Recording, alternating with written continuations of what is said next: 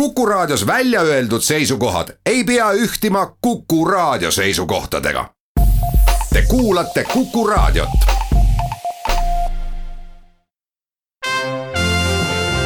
Tallinna Filharmoonia esitleb Filharmooniline huvitaja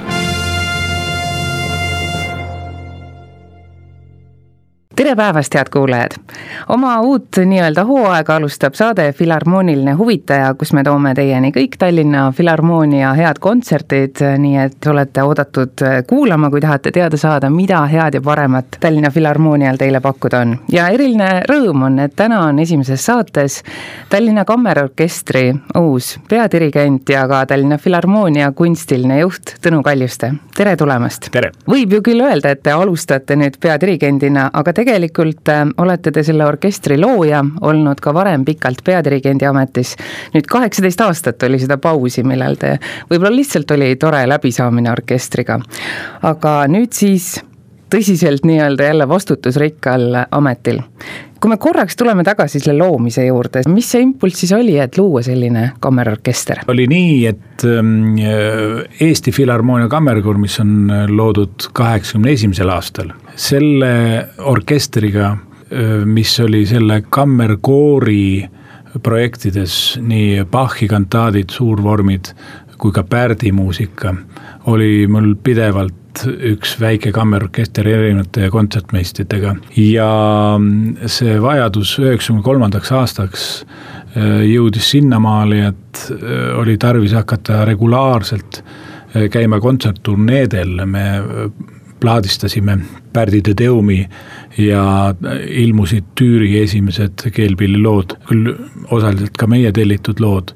nii et vaatasin kogu aeg äh, ümberringi, missuguseid võimalusi Eestis on luua üldse kammerorkester, see praktiline vajadus oli tõesti noh, et äh, see repertuaar oli sealt kooriga koos, aga riigi rahakott äh, ei võimaldanud seda, kammerkoori enda budžett ka ei võimaldanud ja juhtumisi oli kuulda, et äh, Tallinnas puhkpilliorkester kuidagi vireleb ja et äh, kaalutakse selle viimist kas kaitsejõudude alla või no seal oli kõik igasuguseid võimalusi. ja, ja loomulikult ma lisasin hagu tulle, et loomulikult, et oleks tarvis luua Tallinnas kammerorkester. seda enam, et kunagi hästi ammudes aegades oli küll Tallinna kammerorkester, aga tal polnud Talliga mingit seost, see oli lihtsalt niisugune leppeline kunstikollektiiv, kes ei saanud kuskilt palka, aga tegid üksikuid lindistusi ja esinemisi. ja siis öeldigi, et palun, et siin nüüd on jäänud mõningad töökohad vabaks äh, puhkpilliorkestrist, äh, et selle töökohtade arvuga saime võtta endale keelpillimängijad ja siis äh, sai selleks orkestri nimetuseks tõesti Tallinna Kammerorkester ja vaat, kui on sõna orkester, siis loomulikult äh, see tähendab seda, et on erinevad pillid. kui on keelpilliorkester, siis tähendab ainult keelpillid, aga Tallinna Kammerorkester, see tähendas, et seal võivad ka teised pillid olla ja ma püüdsin küll luua veidi suurema aluse eelarveks, et saaks ka teisi pille kasutada, aga see jäigi saavutamatuks kogu minu tegevuse ajal. ja nii, et see oli algus ja tee küll kaheksateist aastat tagasi lõpetasin sama probleemiga ja praegu alustan ka sama probleemiga. nüüd ma olen teinud mingisuguseid ettepanekuid linnale ja riigile, et viia see väikene iluviga taolisele tasemele, et äh, nimi vastab tegelikkusele see, et me saaksime rahulikult planeerida oma hooaega ka erinevatel pillidel lisaks keelpillidele, see on niisugune segane lugu. muusikakauge inimene võib-olla ei saa aru, aga nagu kujutab ette, et eh, kui sõna orkester tähendab erinevat pille, siis ja sõna klaver tähendab, et musti ja valgeid klahve, siis meil nagu piltlikult öeldes meil on ainult valged klahvid, musti klahve veel ei ole selle nime taga, aga kutsutakse klaveriks. Tõnu Kaljuste, te olete ju väga pühendunud mitmele asjale, on Nargen festival, on töö akadeemias, olete osakonna juhataja. kõrvalt vaadates jääb küll mulje, et teil ei ole liiga palju aega üle. miks te võtsite selle töö vastu kunstilise juhina ja peadirigendina, mis on see teie eesmärk viieks aastaks? Eesmärk on äh, kogu aeg olnud üks, äh, teha head muusikat. aga kui rääkida nii nagu institutsiooni juhtimisest, siis on ju olukord tihtipeale niisugune, kui üks liider lahkub ja kui joost lahkus nende eest, siis orkester pöördus mu poole, minu jaoks oli meeldiv üllatus ja öö, seda lihtsalt ei sobinuks ära öelda, kuigi mul mõtetes oli juba ammu niisugune igasugused muud variandid aga ma püüan kõiki neid asju ühendada, üks ühenduskoht on see, et ma olen tohutult huvitatud olnud muusikateatrist ja kammerooperist, väiksematest koosseisudest ja seda teatraalsel kujul et mul võib-olla õnnestus läbi kammerorkestri nüüd seda mõtet edasi arendada. on see kõik, mis Noblessneris olen teinud ja kõik see muu, äh, sellel on puudunud niisugune stabiilne võimalus teha hea orkestriga muusikateatrit nii et selle oleme läbi rääkinud juhtkonnaga, et äh, kui see võimalus tekib ja meie nõndanimetatud orkester saab tõesti orkestriks, et ta ei ole enam keelbiorkester, siis me saame veidikese tegevust laiendada. teine liin, mida ma olen ikka aeg-ajalt hoidnud, et hoida inimesi kursis värskema muusikaga või ootamatute kõla, kõlamaailmadega ja selleks on mul kontserdiseeria Kõrvaring, mis nagu suurendab inimeste silmaringi kõrvade kaudu et saaks äh, maailma erinevatest uutest muusikatest aimu, mida siin ei ole ette kantud. nüüd esimene, mis ma neile kohe pakkusin, oligi Macmillani ooper, äh, see lepitus, mis siin Nargina festivali alguses oli Noblessneris, autor tuli ise dirigeerima. et seda teost ei olnud noh, Baltikumis ega võib-olla siin siinpool Euroopat üldse ette kantud nii et see kõrvaring kuulutabki taoliseid aktsioone, kus äh, kanname ette uusi teoseid ja muidugi ka veidi vanemaid teoseid, aga uu-, uutes valgustes, ütleme, uued interpretatsioonid mis äh, viivad meid niisugusest mugavustsoonist välja. ja kolmas liin, mis äh, kõlapilti peaks rikastama, on see, et me avame hooaja nüüd uue oreliga ja uus orel saab kõlama kahekümne esimesel septembril Mustpeade majas ja selle kontserdiseeria nimi, kus me kasutame orelit erinevates funktsioonides, on oreli maagia.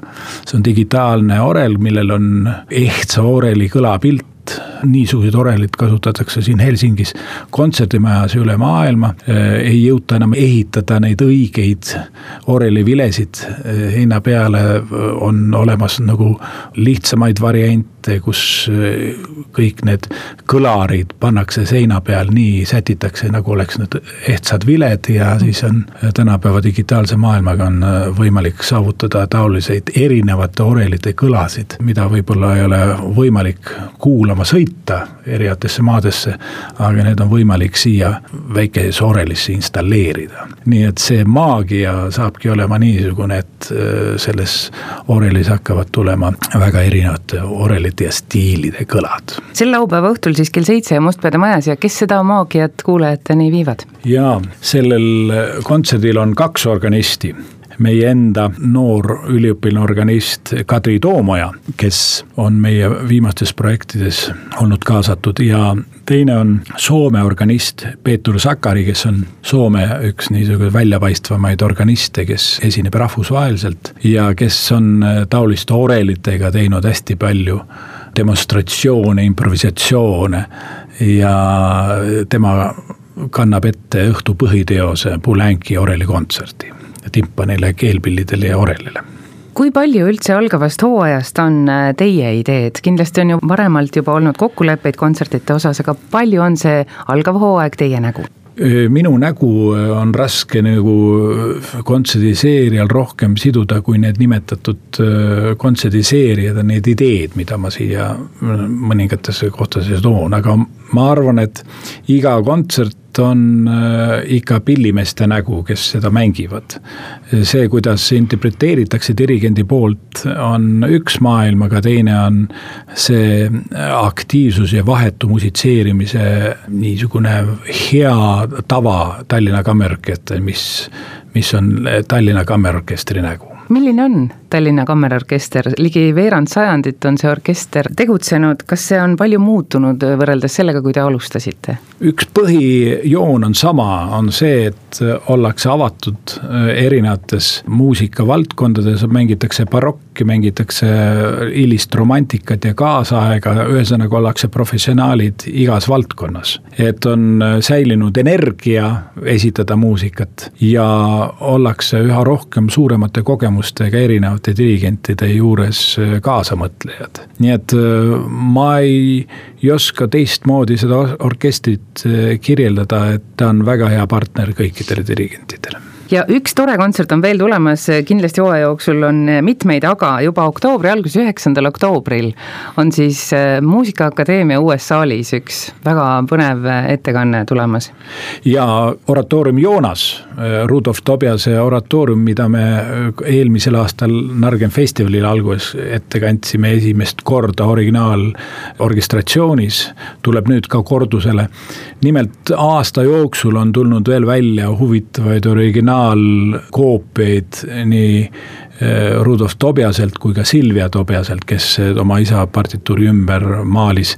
ja see, see on andnud väga huvitavaid nagu mõtteid ka nüüd järgnevaks ettekandeks. nii et eh, üheksandal oktoobril eh, saab olema väga põnev kuulata, kuidas uus saal kõlab, seal on ka uus orel, seesamane digitaalne orel, me kaasame seda sellesse ettekandesse, nii et ootame põnevusega. ja seal saalis tuleb veelgi kontserte, see ei ole ju sugugi ainuke. jaa, kõrvaringi kontserdid on seal ja me püüame hoida Muusikaakadeemia uue saaliga kindlasti kontakti, sest see peaks sobima Tallinna Kammerorkestrile eriti hästi. Tõnu Kaljuste, mida te soovite uueks hooajaks kuulajatele ja muusikutele? soovin eelarvamuste vabat muusika kuulamist ja olla avatud äh, muusikale tervikuna, mitte tulla kuulama otseselt äh, Tõnu Kaljustet ja Tallinna Kammerorkestrit, vaid tulla kuulama muusikat. meie vahendusel te saate loodetavasti elamuse suur aitäh ja esimene võimalus selleks siis on juba sellel laupäeval Tallinnas Mustpeade majas õhtul kell seitse olete kõik väga oodatud. tänan väga ja ilusat päeva jätku. suur tänu. Tallinna Filharmoonia esitleb Filharmooniline huvitaja